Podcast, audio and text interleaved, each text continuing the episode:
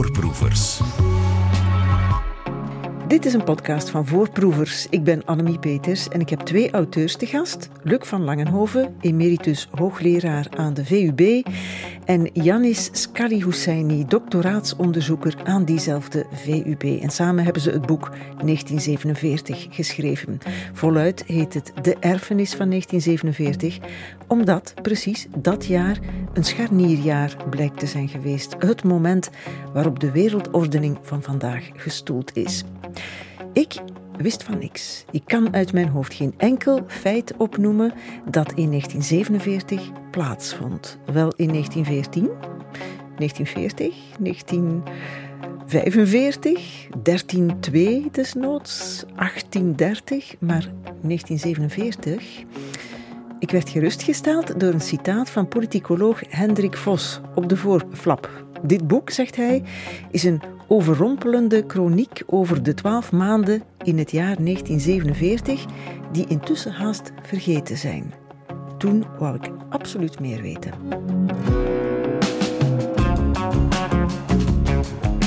Voorproevers. Voor ik aan jullie boek begon, Luc van Langenhoven en Janis Skaliusaini, heb ik even getreuzeld omdat het zo dik is. Intussen heb ik uiteraard een beetje zelf onderzoek gedaan. Uh, wat weet ik of wat vind ik over 1947? Freddy Willox is geboren in 1947, maar ik weet niet of hij valt onder scharnierfiguren. Uh, als hij toen geboren is, was hij op dat moment zeker nee, nog niet. Nee. nee, dat misschien later wel. Even geworden. Stephen King, de horrorauteur, is geboren in 1947. Het derde vredesjaar zong Gerard Cox over 1948 natuurlijk. De oorlog is net voorbij. In 1947 zijn we twee jaar na de Tweede Wereldoorlog. Dat is zeker en vast een belangrijk gegeven. Absoluut. Ja. Maar, en dat is zo mooi aan jullie boek Jullie zijn niet alleen maar voortgegaan op historische bronnen, gebeurtenissen in de politiek, oorlogen en koude oorlogen. Jullie hebben ook dagboeken gelezen uit 1947 van gewone mensen. En jullie hebben het weerbericht doorgenomen in de kranten, maand per maand, dag per dag eigenlijk. Om de politieke en andere gebeurtenissen eh, uit dat jaar uit de doeken te doen, schrijven jullie. Wat heeft het weer met geschiedenis en politiek te maken? Wel, de weersomstandigheden in 1947 waren zeer extreem. Ten eerste is er een heel koude winter geweest, een extreem harde winter in zowat heel Europa. En nadien is een zomer geweest met heel wat hittegolven. Die twee dingen samen die hebben gemaakt dat de situatie van de doorsnee Europeaan er altijd maar op verslechterde. Dus je moet je voorstellen, in 1947 dat het, het hele landschap van Europa nog een landschap van puin was. Er is nog niks heropgebouwd, of amper iets heropgebouwd. Amper iets heropgebouwd. Zeker in de steden, Precies. lees ik jullie boek. Ja. Ten tweede heb je massa's zogenaamde ontheemde personen die van A naar B gaan omdat hun landsgrenzen veranderd zijn, omdat ze vrijgelaten zijn in hun krijgsgevangenkamp, etc. etc. Dus de chaos is eigenlijk vrij belangrijk en, en quasi totaal, zou ik zeggen. Ja, er komt nog bij dat de staten die de zaken moeten beheren, dat die staten nog onvoldoende kracht hebben, nog onvoldoende daadkracht om met die problemen om te gaan. En dus daarbovenop komt dan die extreme koude. Ja, er heerst chaos in Europa in elk geval. In heel Europa. Ik heb dat gedubbelcheckt. Niet dat ik twijfel aan twee mannen van jullie kaliber. maar ik wou eens weten hoe koud. Uh, ik las um, ehm, 29 januari minimumtemperatuur van min 14 graden in Ukkel. Um, de maand januari telt in 1947 21 vorstdagen, dus het is koud in heel Europa. Er staat een dagboekfragment in jullie boek afgedrukt van de Berlijnse Ruth Andreas Friedrich en die schrijft dit. Weer zakt die vervloekte thermometer. De ene koude golf volgt op de andere. Stroom 8 tot 10 uur per dag uitgeschakeld. Wie nu nog stoken kan, stookt zwart. Met rugzakken, manden en boodschappentassen trekken de mensen naar het Grunewald. Verdringen zich in de overvolle treinen, verdoen uren en uren om voor een enkele dag brandstof te zoeken. In nuchtere woorden melden de kranten: Verhongerd en bevroren werden in een bed aangetroffen de 73-jarige rentenier Gerard Z, de 64-jarige Anna K, de 59-jarige Bertha O de eenjarige Joachim D. Hoe dieper de thermometer zakt, des te spookachtiger neemt de statistiek van de koude slachtoffers toe. Dat zijn straffe woorden. In deze winter, onze winter van 2023, bepaalt kou of geen kou ook de politiek en met name energieprijzen en steunmaatregelen. Ging het toen ook over dat soort dingen? Ja, uh, zeker en vast ook. Hè. Die wederopbouw gaat ook om, zeker vast in uh, België was er het probleem van steenkool en het probleem van de mijnen. Hoe uh, hebben we weer genoeg van die energiebron die, nog, die België nog en masse gebruikten om die wederopbouw ja. weer te laten doorgaan. En om te verwarmen hebben ze steenkool nodig uit de mijnen, maar ook voor de hele economie natuurlijk, die moet heropgebouwd worden. Ik lees in jullie boek, er zijn geen mijnwerkers genoeg. En daar is in eerste instantie de Belgische regering de krijgsgevangenen die er nog waren, Duitse krijgsgevangenen, te gaan inzetten als mijnwerkers. Maar dat is uiteraard in tegenstrijd met de conventie van Genève. Dat zegt dat je dat maar een bepaalde tijd mag doen en met zekere voorwaarden. En dat je die moet vrijlaten, toch, die Uiteraard. Ja. Dus dat soort goedkope arbeidskrachten na een tijd, dat, dat lukt niet meer. En moest Achille van Akker en zijn regering naar andere manieren zoeken. En één daarvan is dat men contacten heeft gelegd met Italië.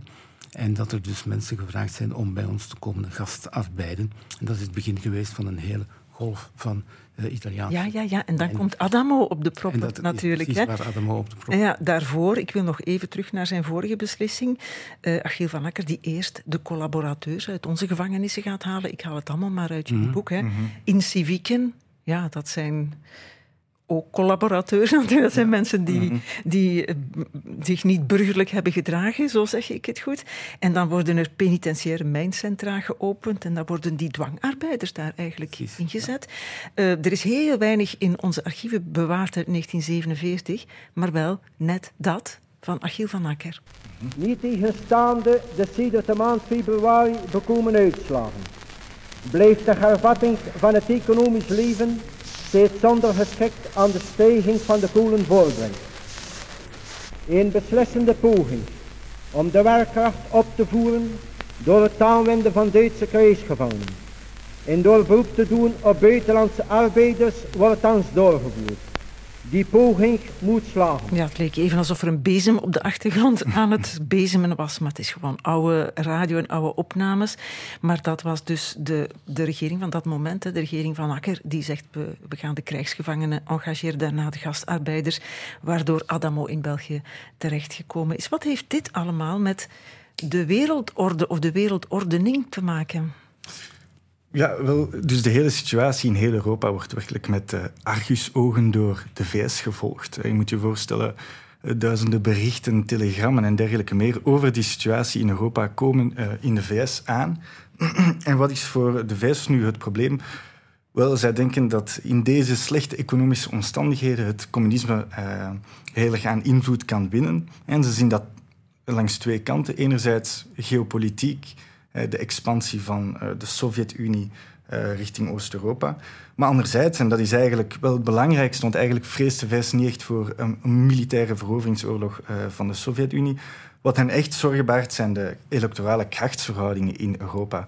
En de communisten doen het heel goed na, na de Wereldoorlog. Is dat zo? Ook in België? Ook in ja, Duitsland? Ja, ook in België, in Duitsland en vooral natuurlijk de faam grote communistische partijen van Frankrijk en Italië.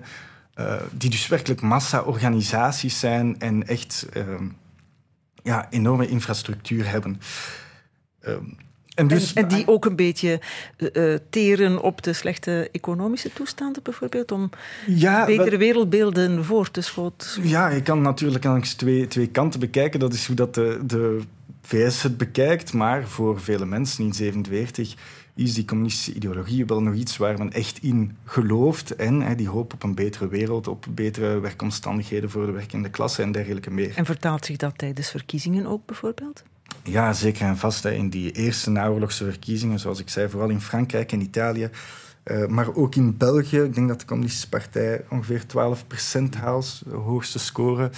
Um, en dat maakt de VS natuurlijk bang, eens dat die winter daarbij komt, Uh, van misschien zouden nog wel eens nog meer mensen communistisch gaan uh, stemmen. Terwijl op hetzelfde moment, lees ik ook in jullie boek, Rusland effectief uh, zijn grondgebied enfin, zich veilig stelt via staten rondom het gebied.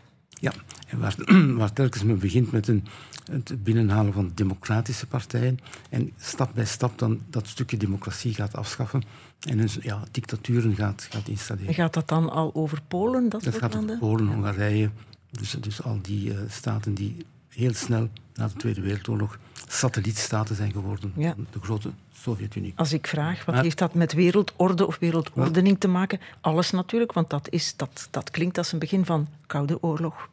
Precies.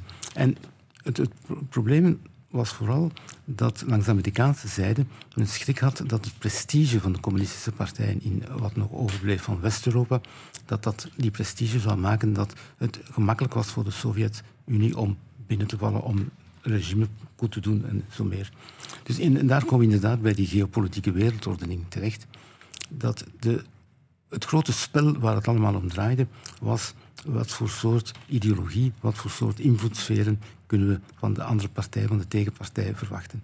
Het was dus een strijd tussen communisme tegen kapitalisme. Maar ook en vooral, en dat is een beetje wat we soms vergeten, gaat het over sferen van invloed. De Sovjet-Unie wilde zich omringen met een aantal staten als buffer voor zijn eigen veiligheid. En had misschien ook een beetje gelijk, want had ook veel verloren tijdens die Tweede Wereldoorlog. Ja. Dat is dan ook weer waar dat prestige terugkomt, omdat zoveel uh, strijders van het Rode Leger gestorven zijn, dat dat prestige op dat moment zeer groot was. Ja. Dus, en zo is het dat al die dingen samenhangen, de, de weersomstandigheden, het, uh, geopolitieke verschuivingen en dan de manier waarop de Amerikaanse overheid gaat proberen iets te doen aan het Europese probleem. En dan komen we bij uh, Marshall terecht, uiteraard. Ja, en dat is allemaal in 1947, waardoor jullie schrijven 1947 is absoluut een scharnierjaar gebleken. De, de term Koude Oorlog lees ik ook in jullie boek, denk ik toch, is voor het eerst gebruikt door George Orwell in 1945 in een essay in een Britse krant. En hij waarschuwde toen ook al voor een nieuwe wereldorde van totalitaire staten. Orwell is een interessant linkje naar de literatuur die jullie ook hebben geraadpleegd uh, in jullie boek. Dat is voor zometeen. Voorproevers. Luc van Langenhoven en Janis Kalihusaini zijn hier over het boek dat ze samen schreven, genaamd 1947. De erfenis van 1947, geboorte en toekomst van de huidige wereldordening. Waarbij ik tussendoor een vraag van een andere orde moet stellen, heren. Omdat het mij behoorlijk atypisch lijkt dat op een unief twee onderzoekers elkaar in die mate vinden dat ze samen een boek willen schrijven. Twee onderzoekers waartussen een generatiekloof van je welste gaapt, denk ik toch, zo op het eerste gezicht. Ik denk, Jan is dat jij een zoon kunt zijn van Luc van Langenhoven? Dat kunt zijn, hè? maar goed, heb, die relatie heb je tussen studenten en promotoren. Je bent, ja, dat zijn jullie niet. Hoe hebben jullie elkaar gevonden? Dat is een, een heel lang verhaal. Eh, vertel het kort. We gaan terug naar, naar 2000, 2001. Uh, ik was toen uh, adjunct-secretaris-generaal van het Belgische ministerie voor Wetenschapsbeleid, maar kreeg een nieuwe jobaanbieding in Brugge om daar een afdeling van de Verenigde Naties Universiteit op te richten. Goed, ik ga mij gaan installeren, want ik krijg lokalen van het Europa College. En in die lokalen vind ik een oud tijdschrift, Le Cahiers de Collège d'Europe, waar 1947 als thema staat. Aha. Ik neem dat mee naar huis. Daar is het zaadje geplant. Daar is het zaadje geplant. Nu, op diezelfde dag gebeurt iets helemaal anders in de wereld. We spreken over 9-11. Ik rijd naar huis en dan kan Janis overnemen. Ja, het was een dinsdag, denk Dinsdag, ik. denk ik, ja. En uh, ik werd zoals elke dinsdag door Luc zijn vrouw opgehaald, omdat ik met zijn uh, dochters in de kleuterklas zat. Ah, jij was nog een kleuter? Ja, ja inderdaad. en uh, ja, mijn eerste, een van mijn eerste herinneringen aan Luc is dus... In mijn herinnering was het ik zie Luc lezen een krant waar dus de foto van 9-11 in staat.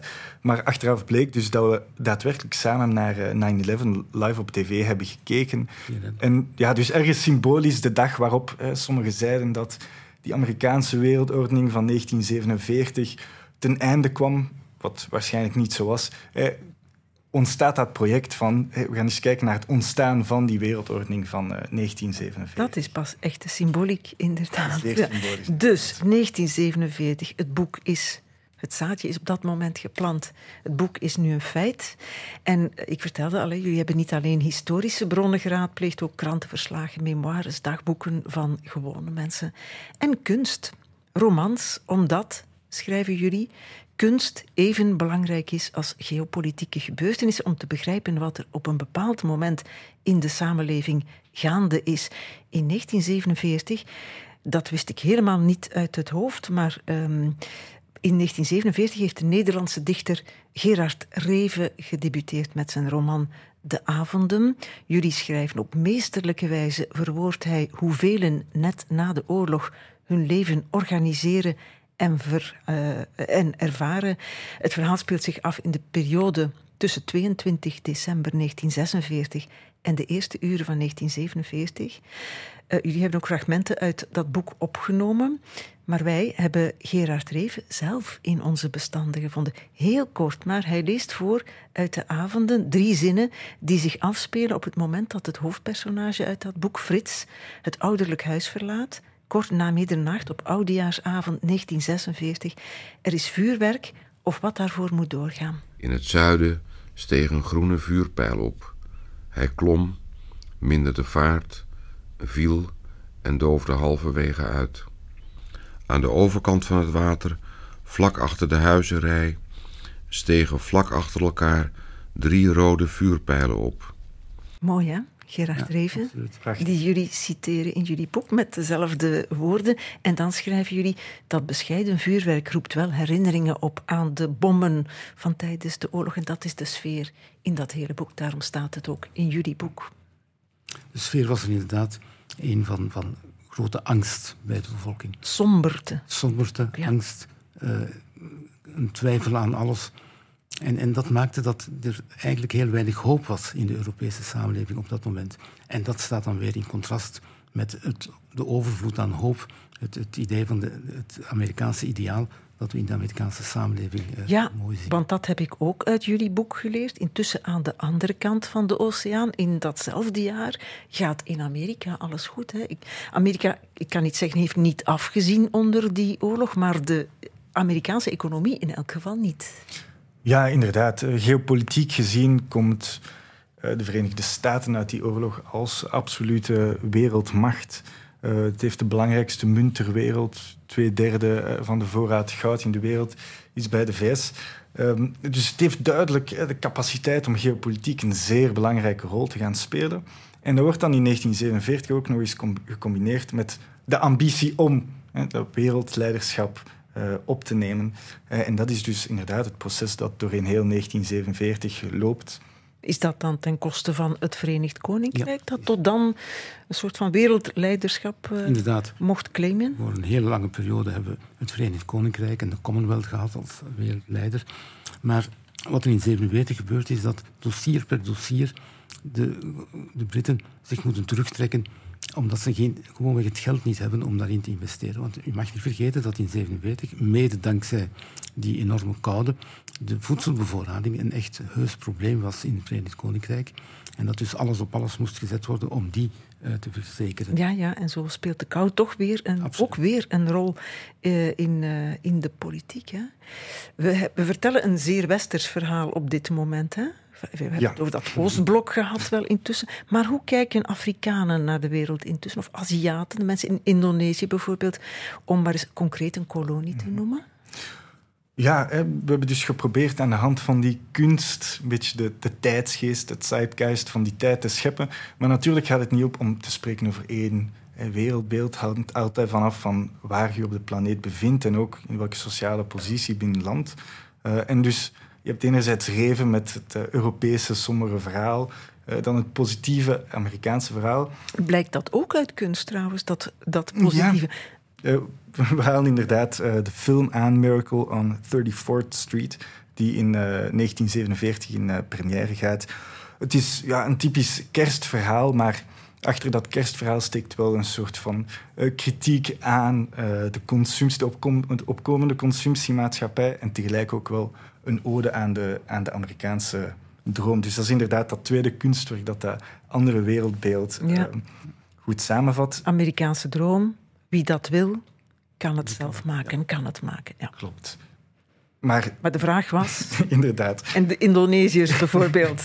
klopt. Dan, dan is er nog een derde roman, een derde kunstwerk dat heel goed dat koloniaal of eigenlijk anti-koloniale wereldbeeld eh, weergeeft. Dat een enorm belangrijke rol speelt in 1947, hè, wanneer de dekolonisatie een enorme sprong voorwaarts neemt.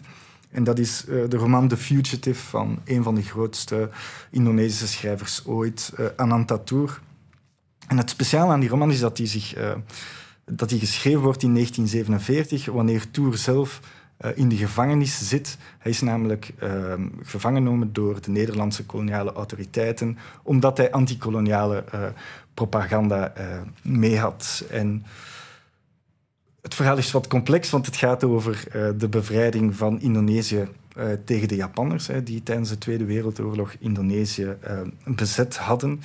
Maar ja, het is dus een roman dat een totaal ander wereldbeeld geeft dan eh, de Koude Oorlog, namelijk de dekolonisatie. Ja. Wat vroeg is, hè, 1947, om van dekolonisatie te spreken. Enfin, wij denken dan Belgisch aan Congo bijvoorbeeld, waar er nog geen sprake van is, neem ik aan. Ja, dat klopt natuurlijk. Je spreekt vaak over twee golven van dekolonisatie, maar na die Eerste Wereldoorlog vindt er een enorme belangrijke... eh, Na de Tweede Wereldoorlog uiteraard vindt er een enorme belangrijke golf van dekolonisatie plaats. Om enkele concrete voorbeelden te geven, in eh, 1947 eh, wordt Brits-Indië gedekoloniseerd. Hetzelfde gebeurt met het Palestijns mandaatgebied eh, van eh, Groot-Brittannië. En ook in Indonesië ontstaat er een, eh, een enorme koloniale oorlog. Dus wel degelijk in 1947 eh, speelt dekolonisatie een zeer belangrijke rol. Ja. We hebben ook kranten als bronnen gebruikt. Hè? Wat ik mij dan afvraag, eh, twee jaar na de oorlog, wat blijft er van kranten over in België? Enfin, tijdens bezet België moeten dat andere kranten Ja, of andersoortige kranten geweest Tijdens zijn. bezet België was er geen, geen persvrijheid, er was censuur. Soms zelf opgelegde censuur, vaak gedwongen censuur. En het is geleidelijk aan, na 45, dat de toestand weer genormaliseerd is. Maar het heeft toch tot 47, tot mei 47, denk ik, geduurd voor een krant als de Standaard weer kon verschijnen als onafhankelijk eh, blad. Als niet collaborerende krant. Maar tegelijkertijd zie je dat ook de communistische pers toch een heel belangrijke rol speelde. In België zeker, maar vooral in, in Frankrijk en Italië. Dat was een echt eh, bastion van informatie, garing, dat los stond of, of haaks sto- stond op de, de klassieke eh, informatie die Ja, van de. En interessant voor mensen als jullie dan om dat soort Wel, te lezen. En dat is nu via het internet allemaal heel makkelijk te organiseren natuurlijk. Hè. Je moet niet meer urenlang in archieven eh, zitten snuisteren. Alles is, nou niet alles, maar veel dingen zijn beschikbaar via internet. Ja, maar toen nog niet, natuurlijk. Mm.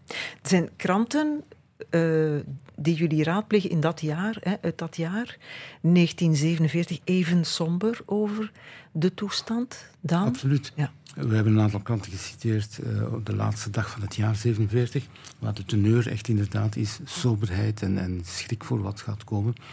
Eh, een aantal hoofdredacteuren spreken van de mogelijkheid voor een nieuwe oorlog. Dus dat was de sfeer op dat, eh, op dat ogenblik, absoluut. Ik heb één leuk feit uit dat jaar, 1947 nog. De verschijning van de eerste Lucky Luke.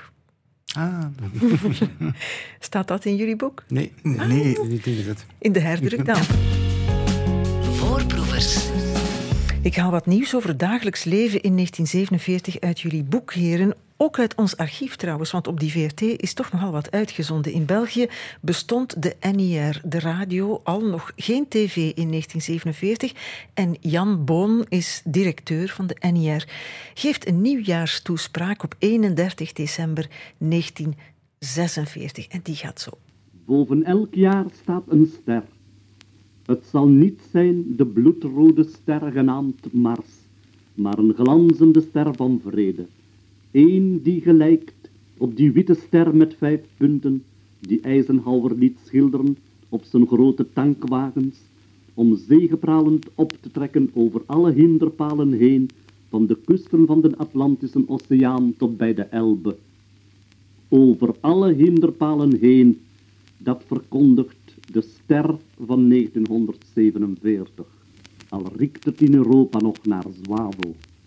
Al wordt er nog gestreden in onrustig Indië, in Palestina, in Griekenland.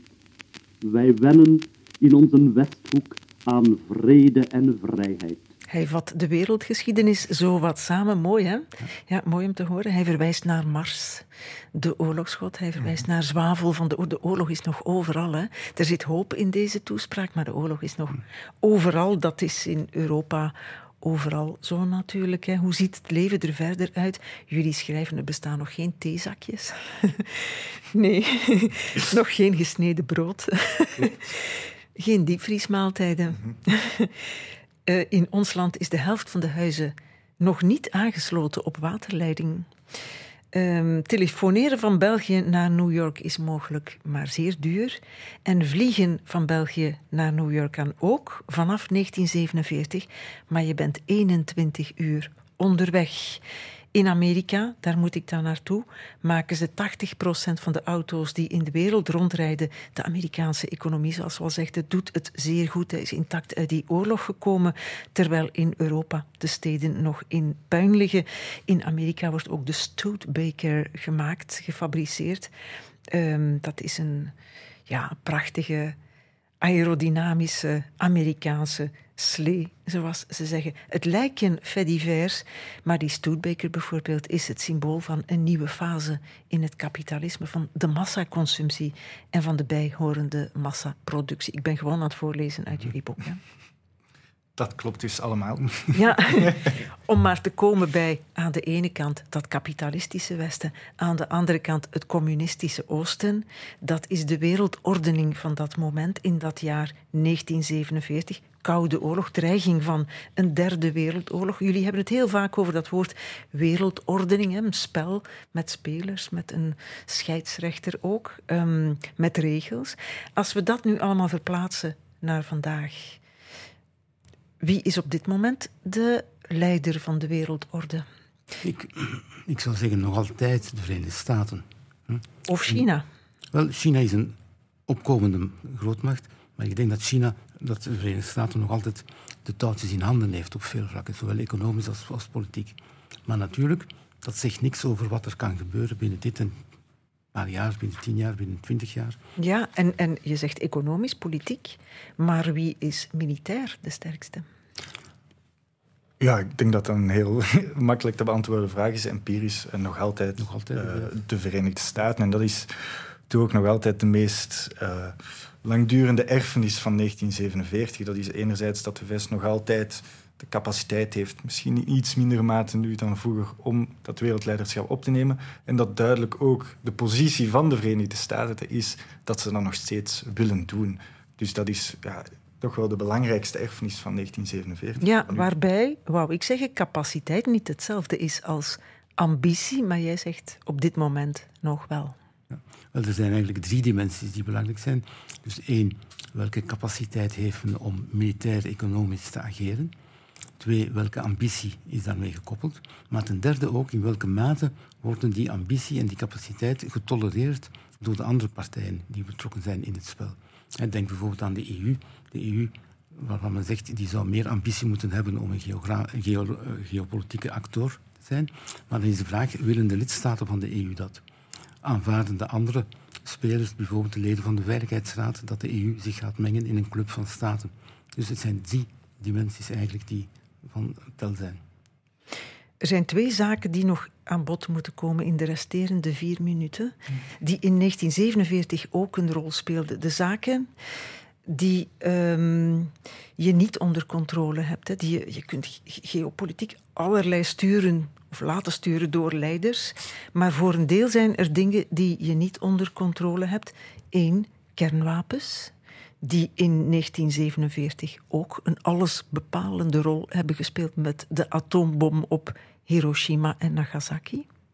Die heb je vandaag ook. Absoluut, en dat blijft een van de grote dreigingen voor het voortbestaan van de mensheid. Uh, al dan niet bewust gebruikt, hè, want atoomwapens zijn ook een gevaar uh, dat er via een of ander ongeluk of een, een, een stommiteit die ergens begaan wordt, besloten wordt om die te, in te zetten.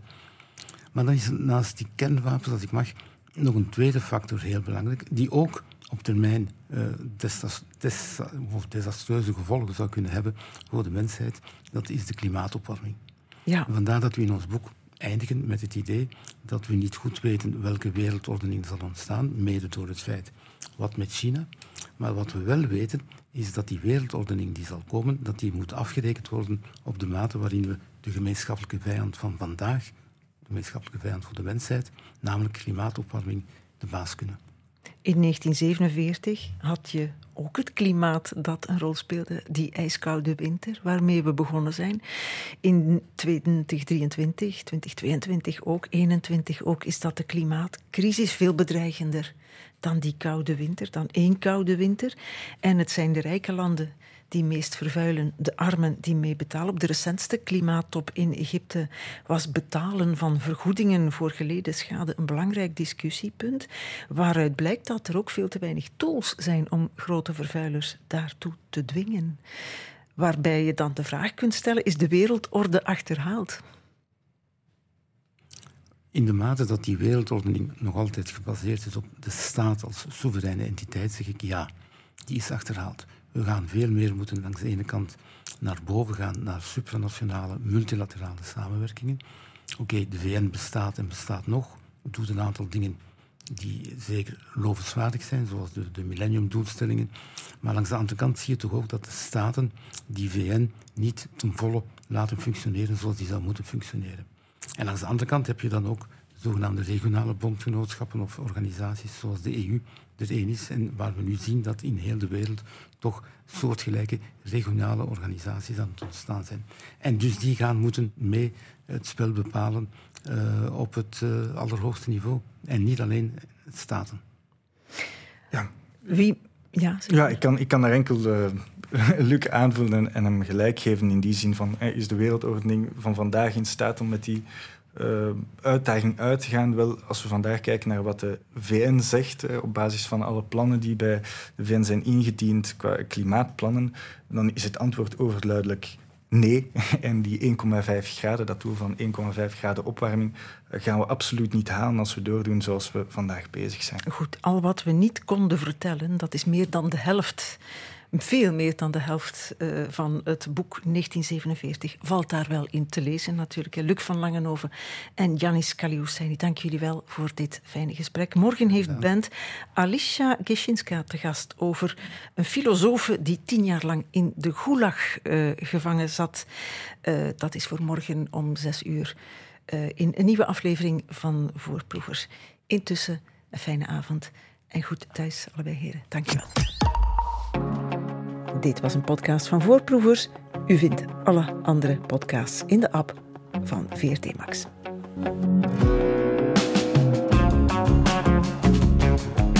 Voorproevers.